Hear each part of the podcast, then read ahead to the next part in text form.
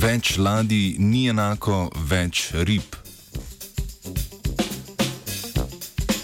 Revija Proceedings of the National Academy of Sciences je pretekli mesec objavila raziskavo, v kateri je skupina avstralskih znanstvenikov in znanstvenic predstavila globalno analizo podatkov o ribolovu za zadnjih 65 let.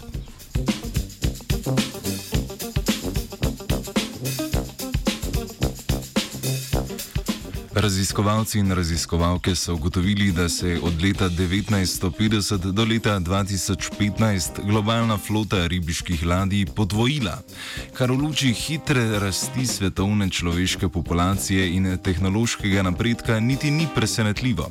Bolj nenavaden in skrb vzbujajoč pa je podatek, da ob enakem naporu današnja, v veliki meri zelo modernizirana flota, ujame za 80 odstotkov manj rib kot tista pol manjša manjša iz sredine preteklega stoletja.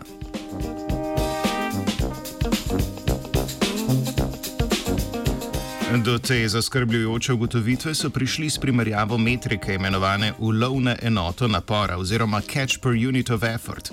V grobem nam ta kazalec pove, koliko napora oziroma sredstev potrebujemo, da ujamemo določeno količino rib, naprimer koliko nafte porabimo za eno tono rib.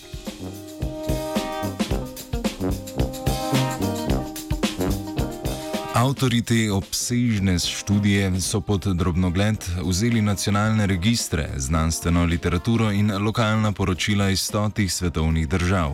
Iz teh virov so poleg že predstavljenih rezultatov ugotovili tudi, da porast ribiškega ledjevja po svetu ni enakomeren. Do največjega porasta ribiškega ledjevja je prišlo v državah jugozahodne in severozahodne Azije, medtem ko se flote Severne Amerike, Avstralije in Evrope v zadnjih desetletjih stabilizirale. To pa predvsem na račun strožje zakonodaje z področja upravljanja z ribolovnimi območji.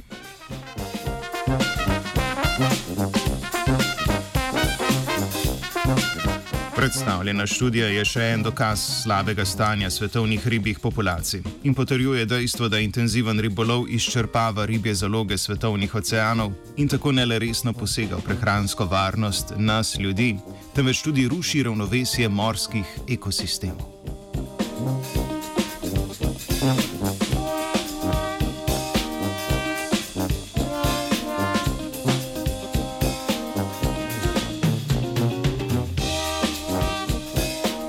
Ribarju je Gregor. Poslušate Radio Student. Želimo vam uspešen vzlet in prijetno potovanje.